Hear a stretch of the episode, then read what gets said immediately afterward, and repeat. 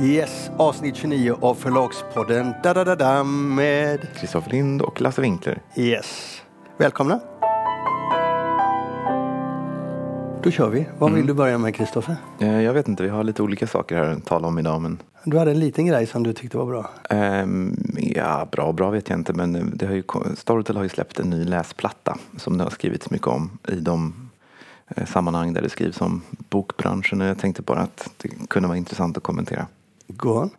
Nej men det, det har ju Niklas Sandin sa, som är vd för Books, Bookbeat, att vad Storytel nu gör är att de uppfinner, de löser ett behov som inte finns. Ehm, och jag menar, det finns ingen efterfrågan på den här, bok, på den här läsplattan. Och tidigare har ju Adlibris haft en platta som heter Letto. Som de har satsat ganska mycket på i olika omgångar som aldrig riktigt har blivit någonting. Och Bokus har ju också försökt tror jag. De hade Nej. Nej. Där vet jag, för jag pratade med Johan Kleberg häromdagen. Eh, Letto sålt 10 000 förra året tror jag Mm. och 25 000 totalt. Och de har ju en ny version av Letto. Men det där är intressant. Jag tror nämligen att Niklas Sandin både har rätt och fel. På vilket sätt? Därför att eh, tittar man på Storytels historia så, så är det helt uppenbart att de har varit först på saker och ting. Nu är de inte först på läsplattan, men de har alltså 350 000 lyssnare som de kan kultivera med en läsplatta för eh, under 1000 kronor. Kultivera. Ja, det handlar ju om det. Det handlar ju om att få folk att köpa någonting som de inte vet att de behöver. Och som de egentligen inte behöver, det har han ju rätt i. Va? Men jag tror att vi inte ska skriva så slutsvaret på det nu. För det kan mycket väl bli så att de ger eh, e-boken en skjuts här. Inte jättestora saker, men tillräckligt. Men eh, jag tror att det du säger kanske stämmer men att, att anledningen till att de tar fram den här det är tydligen en kinesisk eh, läsplatta som de har köpt in och anledningen till att de gör det har väldigt lite med Sverige att göra gissar jag. Eh, Storytel är ju ett internationellt bolag idag som är verksamt på ganska många marknader. Nu så satsar de rätt stort på Italien. Och Italien är av många skäl väldigt intressant. Bookbeat är också på väg in i Italien. Och det är intressant i det här sammanhanget för att ljudboksmarknaden är väldigt lite penetrerad. Den är väldigt liten fortfarande. Amazon har bara funnits i eh, Italien sedan 2012 och har inte lika stor och dominant marknadsandel som på andra marknader. Och mest intressant i det här sammanhanget så har då eh, Audible, Amazons ljudbokstjänst, en streamingtjänst i ehm, i Italien och inte den här modellen som de har på övriga marknaden att man får lyssna på en bok och sen köpa. Och det betyder alltså att man konkurrerar med Amazon med samma, samma modell så att säga. Och jag gissar att kanske, kan, i första hand kanske i Italien men också på andra marknader så kan det då också vara intressant att ha en läsplatta. Mm. Jag tänkte också på det med Italien, för det är intressant. Amazon har ju, eh, eh går ju in på andra, i andra länder i världen idag och kör streaming. Och eh, det kan bli väldigt intressant för då, Storytel har sagt att de går inte in på marknaden där Audible finns, Amazon finns. Mm, fast nu har de gjort det både i Italien och Spanien. Ja, men det gör de ju för att de har eh, Ja. streamingtjänster. Och då kan det bli oerhört intressant för oss att titta på, på vad som händer. Mm, väldigt intressant. Men tillbaka till Sverige ändå så tror jag inte att den stör. Jag menar den, den, den kan ju höja intresset för e-böcker. Ja, absolut. Men eh, jag, tr- jag tror inte att syftet, Storytels syfte är att få folk att läsa. Storytel är ju en ljudbokstjänst i första hand. Så att jag, tror, jag tror att det är ett komplement som de behöver i marknadsföringen och etableringen på andra marknader.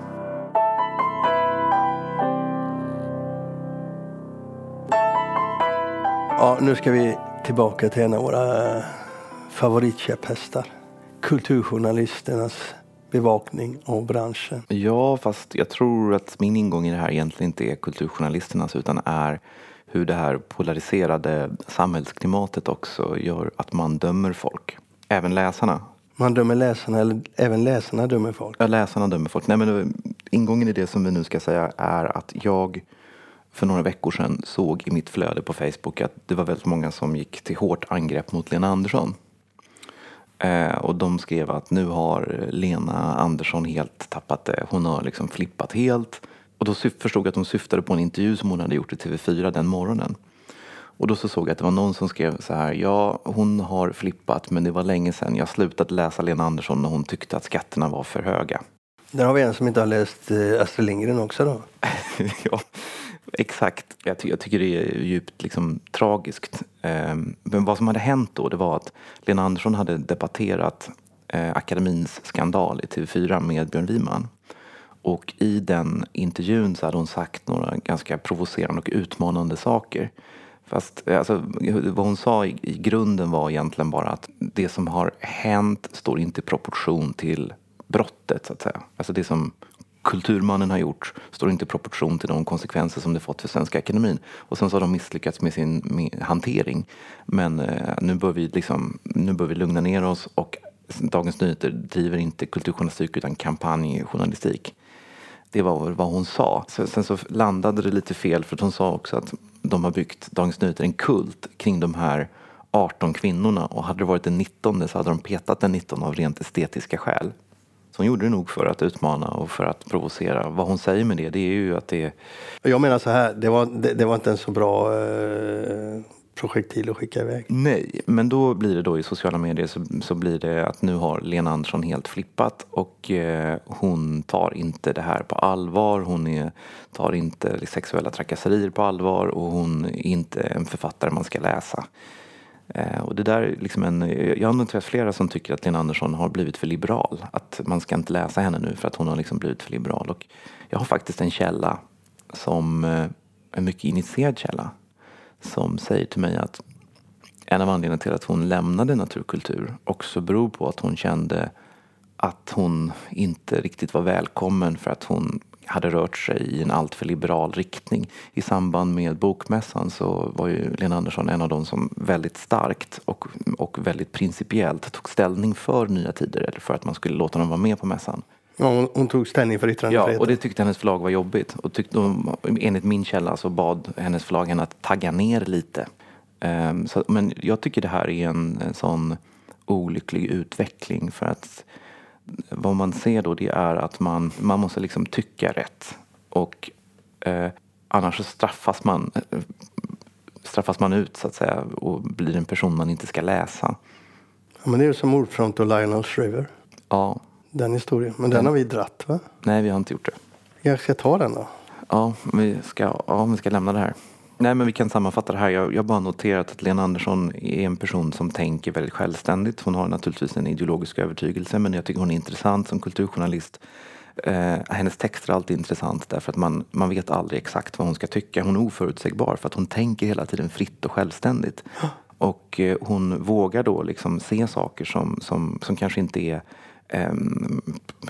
som, som, går emot liksom, den goda bilden exempelvis då av de här trakasserierna. Och när hon då säger någonting som, som, som skaver lite grann så, um, så passar hon inte in. Och då är det väldigt många som tar avstånd från henne. Jag, jag tycker det är olyckligt. Jag blir ledsen när jag ser på Facebook folk som säger att jag slutade läsa Lena Andersson och hon tyckte skatterna var för höga. Själv så tycker jag att hon är en, en nödvändig röst. Hon är en oerhört värdefull röst. Ja, det är hon. Jag vet ju att även när jag inte är överens med henne så har jag haft eh, uppskattat och förstått hennes intellektuella ansträngning och, och, och hur hon tänker, vad hon vill blottlägga. Och jag lär mig alltid något utav det. Mm. Även om vi inte är överens. Det gillar jag. Därför är jag lite bekymrad också. Men jag är bekymrad över förlagen. Är så rädda och följsamma så att de mönstrar ut författare. Ordfront gjorde ju det nyss med eh, Lionel Shriver för han gillade inte uppfattningar hon gav uttryck för i romanform. Och bakgrunden till att detta uppmärksammades var väl att hon hade sagt till The Guardian att eh, mitt svenska förlag som alltid gett ut mig har nu slutat ge ut mig på grund av att det förekom, att jag problematiserar invandringen eller någonting sånt och det går inte mm. att skriva om det i Sverige. Ja. ja, hon var hårdare än så. Jag tror det var New York Times, men, men, eller det kanske var Guardian. Strunt samma. Men, men, eh, och då sa ju Pelle Andersson på Ordfront att det var så. Han hade skrivit ett mejl till henne där han hade sagt att, eh, att han var svårt att och, eh, ge ut en bok med de tankarna i. Och då tänkte jag, så kom det i Svensk bokhandel nyligen, då tänkte jag att då blir det en massa protester på kultursidorna. Inte en rad. Ett sånt inskränkt tänkande, ett sånt fasansfullt jag vet inte vad jag ska kalla det egentligen. Men två hjältar har vi. Lena Andersson och Åsa Linderborg. Ja, det har vi faktiskt. De är frispråkiga, de är självständigt tänkande och de är hela tiden står upp för sina åsikter. Ja, det, jag gillar verkligen dem, måste jag säga. Så det är väl de som inte kommer att läsa mig heller och lyssna på mig heller bara därför. Men skitsamma. Men jag är bekymrad för det. Över, över uh, den intellektuellt låga nivån och oförmågan att förstå vikten av att hålla de här, eh, vad ska man säga, den intellektuella debatten på en högre nivå. Att lyfta in de här frågorna, att diskutera dem och inte skuldbelägga folk som har åsikter direkt.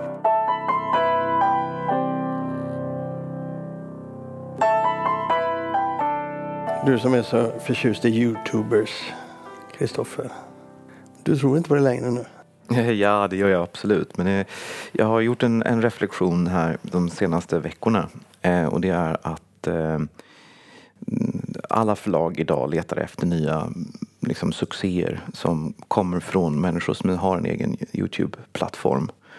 Och eh, jag tror bara att det kommer bli svårare och svårare. Hitta rätt person, hitta rätt bok. Och att det kommer komma ut ganska många böcker som floppar. Och eh, här ska man nog passa på att ge lite cred till Anders Sjöqvist på Bokförlaget Forum. För han var faktiskt den första svenska förläggare som, som såg det här. Eh, och han träffade väldigt rätt med två titlar. Det var Monster av Joakim Lundell och sen så var det Therese Lindgrens första bok. Eh, och de där böckerna har ju blivit sådana enorma succéer och jag tror att det, självklart kommer det komma massor av nya succéer men jag tror liksom att de där böckerna har liksom satt sig på en nivå som inte kommer slås på många, många år. Det där är intressant. Eh, jag har ju tittat lite på Forums eh, siffror de senaste åren. Mm. Och tittat på topplistor och så. Och för mig är det förvånande att ingen har kommenterat det mer i media. Att Forum har varit outstanding. De har varit man... otroligt starka ekonomiskt. Och, och uh, toppat topplistorna på, på många plan så att säga. Mm. Och de har inte fått så mycket cred för det, det förvånar mig. Men uh, så jag skulle gärna vilja veta hur de tänker. Uh, hur de har tänkt när de har byggt upp de här listorna. För det handlar inte bara om Youtubers. De har gjort jättemånga starka titlar. Och ja, sen måste jag ju säga en annan sak. Eller ja. du kan få kommentera det om du vill. Hur har de tänkt? De har väl varit duktiga i kombination med att de har haft ganska lite intern konkurrens. Eh, det där är en annan sak som jag, som jag, som jag slås av också. Det är ju att alla förlag inom Bonnier håller ju nu på att göra en forumsväng. Alltså mm, alla förlagen, alltså, det är bara två, det är VV och Albert Bonniers förlag, måste dra in mer pengar. Och hur gör man det? Jo, man blir lite mer som Forum. Eh, och jag tycker även man ser det på Norstedts, man ser det på väldigt många förlag. Att alla, alla liksom, inte kanske så att man tittar på Forum, men Forum är ju en spegel av de trender och de, de kommersiella framgångsexempel som finns. Så det, det har, och det, jag tror att de har under ganska lång tid, inom, i alla fall inom Bonnier, Bonniergruppen, fått operera utan konkurrens. Ja, det betyder ju att de har varit framsynta. De har legat före alla andra i spåret. Mm. Att Norstedts gör det har att göra med att de är köpta av Storytel och de vill bli mer kommersiella. De har varit, de har varit dåliga kommersiellt, på den kommersiella sidan. Men, men eh, Forum har gjort detta så att säga under radarn och har gjort det länge. Eh, och, och, det ska de ha heder för att de har lyckats. För de har också balanserat en lista. De har rätt mycket kvalificerad litteratur, smalare eh, och litterär utgivning. Ja, du, skak, du är lite nej, inte, där, så, men... inte så mycket längre, det tycker jag inte att de, man kan säga. Att de, alltså har, jag, de, har, de gav ut Claudio Magris nu på nytt och sådär men det är inte något som de skulle...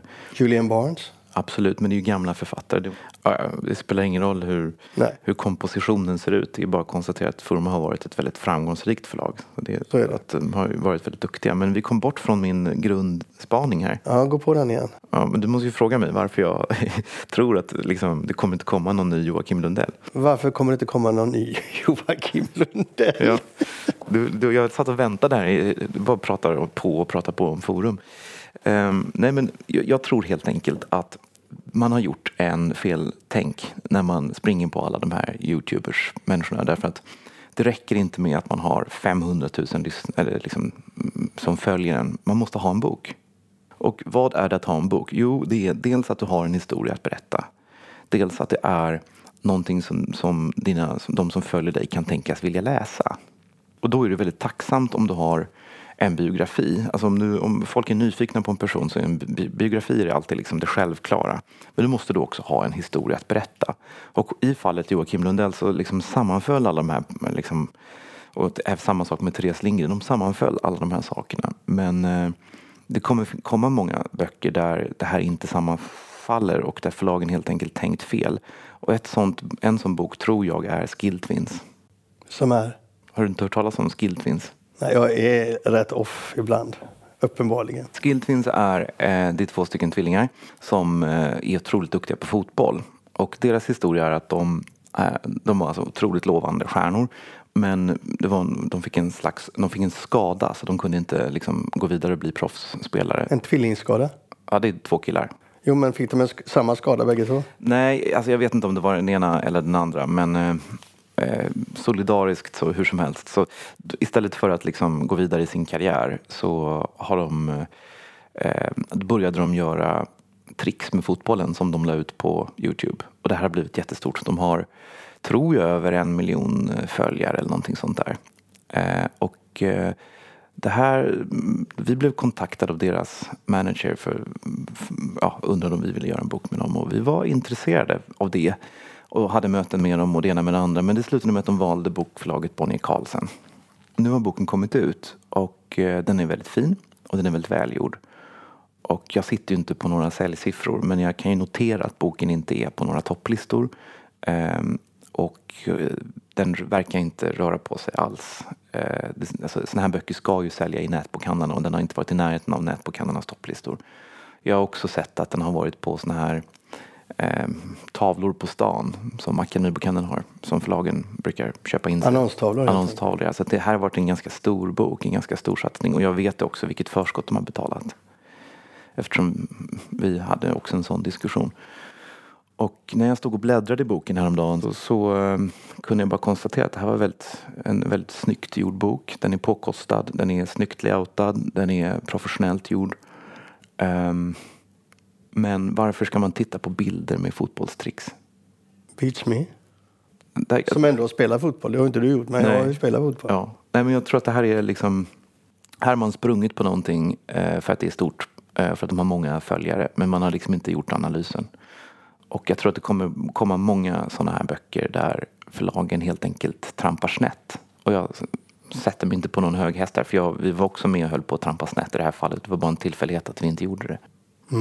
Alltså att du måste ha det räcker inte att man vara, med att vara känd, så har det ju alltid varit. Men det räcker inte med att vara känd, du måste också ha en historia. Och boken, som, boken som medium måste vara det medium som passar för att förmedla och berätta den historien. Och de som följer dig måste vara intresserade av att läsa den. Och Skilltwins uppfyller inte de kriterierna. Du, här är det nog på sin plats att vi gör ett litet, eh, inte avslöjande, men, men berättar en sak. Eftersom du berörde eh, Joakim Lundell. Mm. Det är ju nämligen så att han kommer med en ny bok i sommar. Nej, den har redan kommit. Den har redan kommit. Ja. Och den har kommit på Lind Company. Ja. Det är viktigt att eh, lyssnarna fattar det så att inte man tror att vi gör någon smygreklam här. Nej, absolut. Men den första boken kom, som var den största framgången, kom på Forum.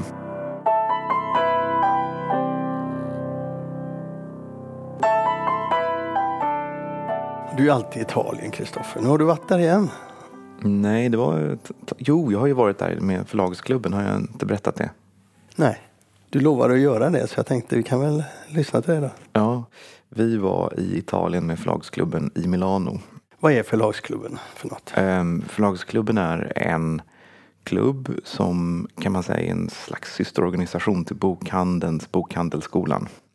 Och i första hand så har förlagsklubben sysslat med utbildningar och kurser.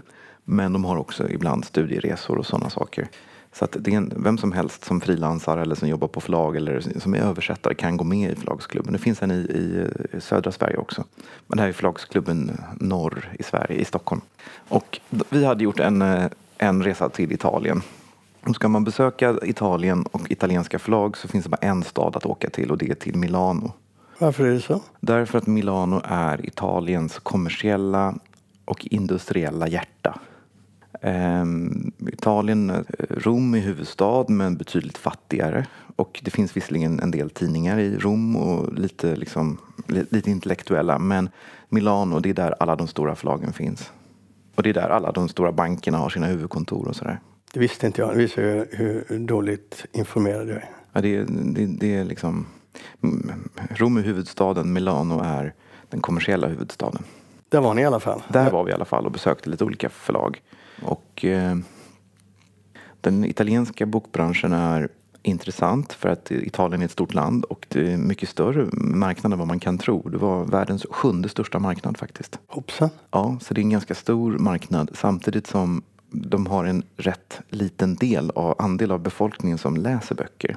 Eh, Så mycket som halva den italienska befolkningen läser överhuvudtaget inte böcker. Vad gör de? Titta på TV. Eller med maffian? Ja, nej men... eh, Den var dålig, jag tar tillbaka Ja, det var dåligt. Men det här är ju någonting som gäller alla medelhavsländerna. Så det är inte någonting som utmärker. Det är samma sak med Grekland och Spanien och sådär. Men vad man glömmer bort det är ju att Italien hade sin storhetstid på under renässansen på 1400-talet. Sen, så blev, sen åkte liksom Italien ner och blev väldigt fattigt. Eh, på 1700-talet och 1800-talet så är det otroligt fattigt i Italien. I början av 1900-talet är det mycket, mycket fattigt. Så sent som i slutet av 1940-talet så är alltså halva Italiens befolkning illiterat. Vi, vi lärde oss läsa i Sverige på karolinertiden. Så att eh, det finns en helt annan, helt annan tradition av, av läsning i, hos oss. Det fick du reda på när du var där?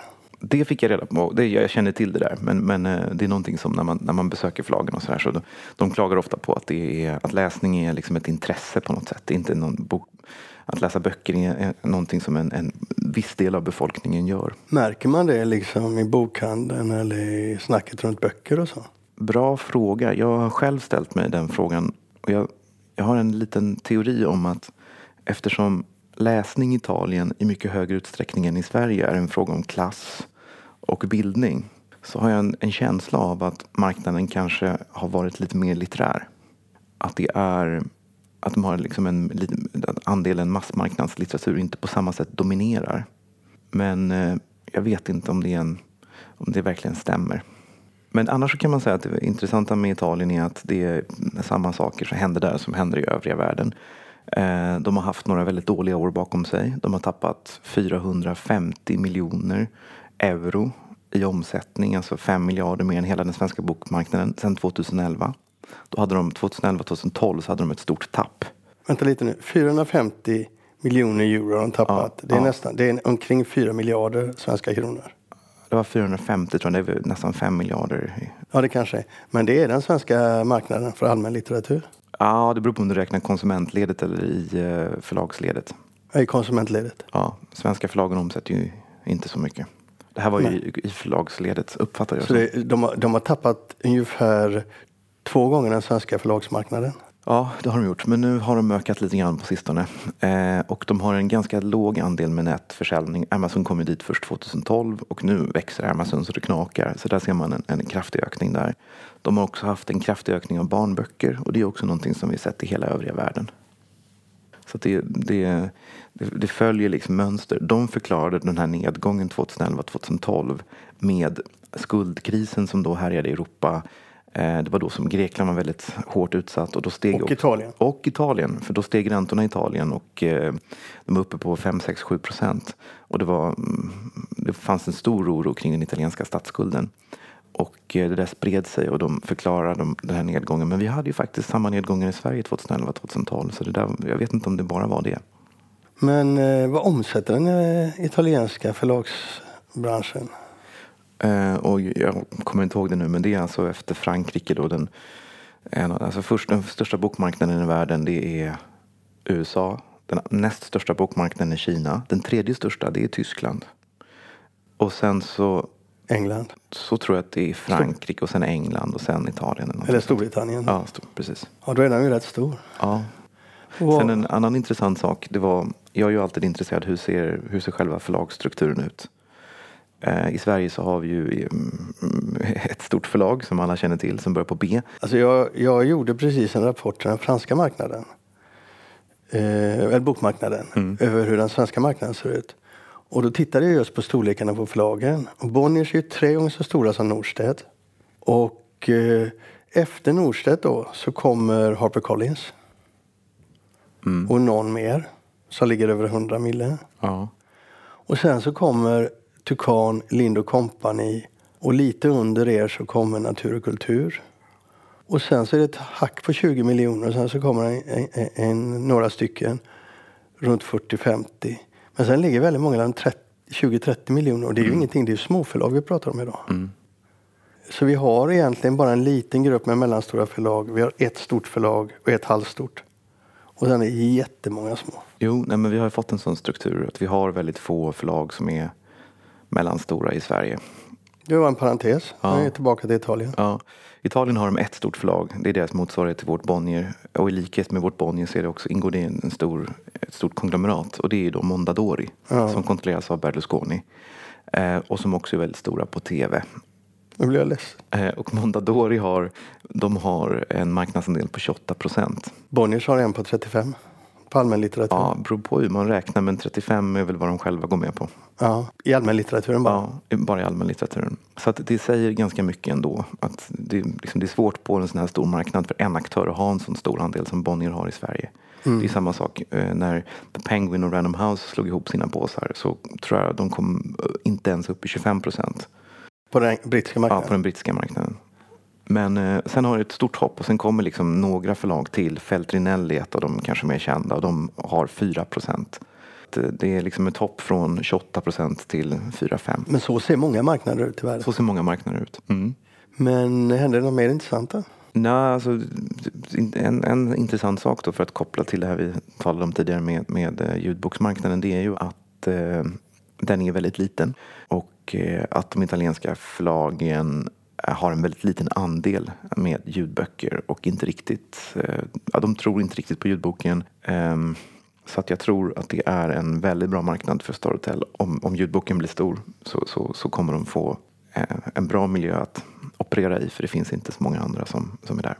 Nej men det, det är, där är de ju skickliga också. De går in och tittar om inte förlagen själva trycker upp ljudböcker så tittar de ju om de kan starta en egen verksamhet Jo. och köpa upp Och titlar. det pågår just nu och jag har förstått, jag träffade en kvinna som hade varit på bokmässan i Torino för två veckor sedan och hon berättade att det enda man talade om i Torino var Storytel och att Storytel och eh, Amazon köper upp ljudboksrättigheter för nästan ingenting. Förlagen säljer dem billigt för att det är inte någon som tror att de är värda något. Och eh, det verkar som att man kommer, de kommer liksom bygga upp listor och kataloger som de inte släpper till varandra. Nåväl, ska vi lämna Italien? Mm.